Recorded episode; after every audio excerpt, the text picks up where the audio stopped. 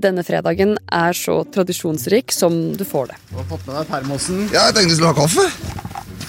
Vedum, hvordan Ja. tror du dette budsjettet blir tatt imot i dag? God og langvarig tradisjon her i Nyhetsmorgen, og det er at på dagen statsbudsjettet legges frem, så kommer finansministeren til Politisk kvarter. God president. I Norge har vi gjennom eh, årtier og med ulike regjeringer Finansministeren, altså Trygve Slagsvold Vedum, følges av journalister fra grytidlig om morgenen til sent på kvelden. Og gjennom hele dagen så kastes det rundt tall, store ord og kritikk fra opposisjonen.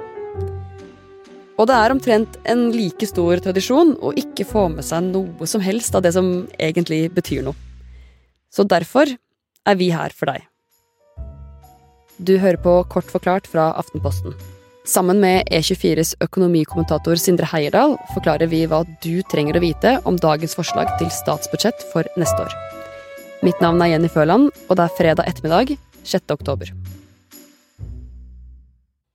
Det som kanskje overrasket meg mest, var at det var så lite overraskelser.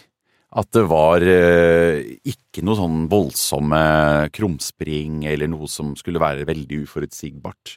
Og kanskje det er litt av poenget. Regjeringen har jo fått en del kritikk eh, tidligere, annet fra næringslivet for å komme med litt sånn skatter ut av det blå. Her var det mer trygg styring og forutsigbarhet som var gjennomgangstonen. Og mye av det hadde vi jo hørt før gjennom eh, lekkasjer, og spesielt det som regjeringen ville skryte av å bruke i valgkamper og sånne ting. Hva er den beste nyheten som folk kommer til å legge merke til nå?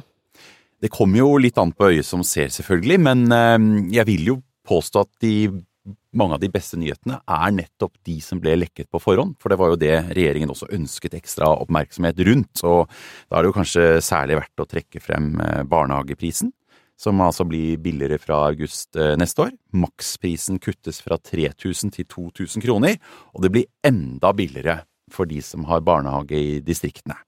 Og så vil jeg jo si at en annen lekkasje, dette at Støre-regjeringen vil bruke 15 milliarder ekstra på Forsvaret, det er jo egentlig ganske godt nytt for oss alle. Vi trenger å være trygge og bidra til forsvaret eh, av eh, verdiene vi står så nær. Demokrati og åpenhet og samholdet vi bør ha eh, demokratiene imellom. Og så er det jo sånn eh, veldig ofte at de dårlige nyhetene i statsbudsjettet ikke løftes like mye fram. Hva er de dårlige nyhetene, altså de tingene som regjeringen vil at vi ikke skal få med oss fra dagens budsjettforslag? Det er jo så mange punkter her, så vil jo være mange interessegrupper og velgere av ulike art som, som vil finne ting å reagere på. Men eh, det er ikke de voldsomt store negative overraskelsene heller. Det blir litt mindre gunstig med elbil, det blir eh, slik at denne ekstra arbeidsgiveravgiften som mange har reagert på, også LO, NHO og SV, den fases bare sakte og gradvis ut. Og så er det kanskje mange som vil være litt frustrert over at det ikke er mer som adresserer dyrtiden vi står oppi, men mer konkret for å kompensere familiene, eldre, unge, som, som da ser at eh, utgiftsøkningene er der hele veien, og renteøkningene de bare fortsetter og fortsetter. Men hadde man kompensert veldig mange med dyrtiden, så hadde vi jo kunnet risikere at renten går ekstra mye opp også. Og nettopp det peker jo på det som kanskje er det viktigste med statsbudsjettet, sånn egentlig. For det forteller også noe om hvordan det går med Norge, og hvordan veien blir videre for renta og prisveksten. Ja, det er jo slik at eh, Norges Bank er på en måte vårt førstelinjeforsvar mot eh, elleville prisgalopper, gjennom særlig da at de eh, hever styringsrenten. Men også regjeringen gjennom budsjettet kan påvirke prisveksten i samfunnet.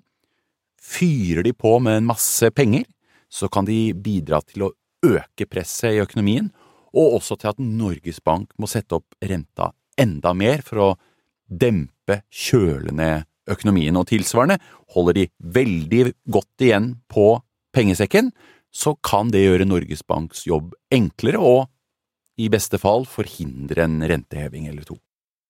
Det forslaget som kom nå i dag, da, hva kan det fortelle om rente- og prisvekst? Det forslaget i dag hadde en ganske nøytral pengebruk. Det betyr at det verken er en stor gass eller en stor brems i den pengemengden som eh, regjeringen nå kjører ut. Dette var også omtrent det Norges Bank forventet at regjeringen ville bruke, og dermed endrer det ikke Norges Banks eh, renteplaner noe særlig.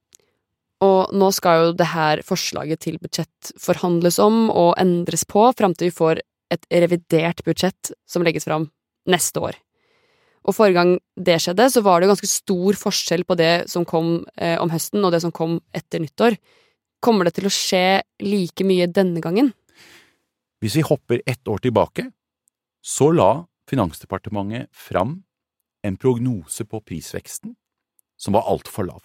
De bommet kraftig. Det gjorde at regjeringen, i det reviderte budsjettet, når man da må se om noe har endret seg, i år måtte kjøre på med mye ekstra penger. Hvis ikke så måtte du ha kuttet det i politikk, kuttet til sykehus. For å kompensere da for at prisene økte mye raskere enn regjeringen trodde. Og nå, i dette budsjettet, så sier regjeringen at de tror at prisene kommer til å øke med 3,8% neste år. Det er ett prosentpoeng mindre enn Norges Bank tror. Med andre ord, skulle regjeringen igjen bomme, og prisene øker mer enn de nå tror, så må de kline til med ekstra penger i revidert budsjett neste mai. Mer oljepenger må smøre budsjettet. Og da kan vi få mer press i økonomien, og i verste fall øke presset på at Norges Bank må heve renten mer.